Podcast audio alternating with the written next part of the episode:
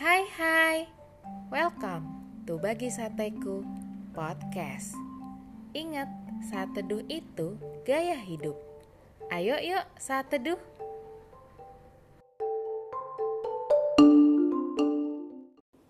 Topik saat teduh kita hari ini adalah penyesalan. Ayo kita buka Alkitab kita di 1 Timotius 1 ayat 15 yang berbunyi Kristus Yesus datang ke dunia untuk menyelamatkan orang berdosa, dan di antara mereka akulah yang paling berdosa. Sahabat sateku, pasti tahu kan istilah nasi sudah jadi bubur? Itu merupakan ungkapan yang mengacu pada peristiwa buruk yang terlanjur terjadi dan rasa-rasanya tuh nggak mungkin diperbaiki lagi. Biasanya kita-kita ini yang mengalami peristiwa-peristiwa nasi sudah jadi bubur kayak gitu, ya cuma bisa gigit jari dan menyesalinya. Soalnya udah terlanjur dan gak bisa diubah lagi kan? Eits, tunggu dulu. Apa benar hal tersebut memang sudah gak bisa diapa-apain lagi?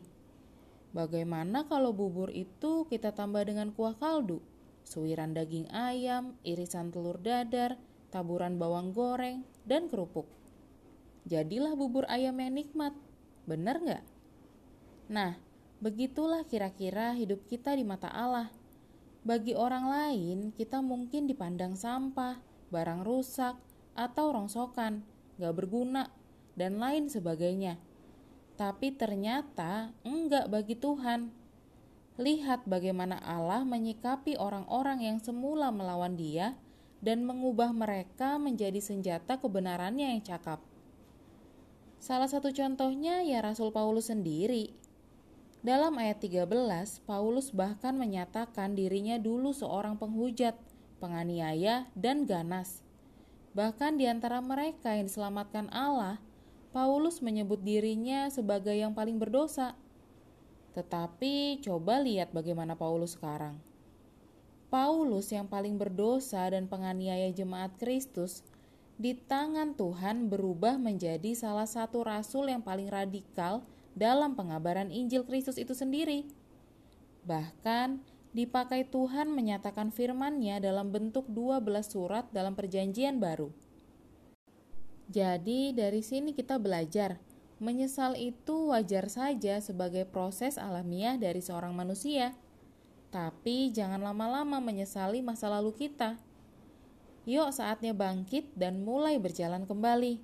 Karena ketahuilah dan percayalah, Tuhan Yesus sanggup mengubah masa burukmu dan menjadikanmu kembali menjadi ciptaan yang baru. Makanya Kristus meminta kita berserah padanya, tinggal di dalam dia, dan rela dibentuk sesuai dengan kehendak Kristus. Setelah itu, lihatlah apa yang terjadi. Yesaya 42 ayat 3 berbunyi, Buluh yang patah terkulai tidak akan diputuskannya, dan sumbu yang pudar nyalanya tidak akan dipadamkannya. Di tangan Allah, nggak ada kegagalan yang nggak bisa diperbaiki.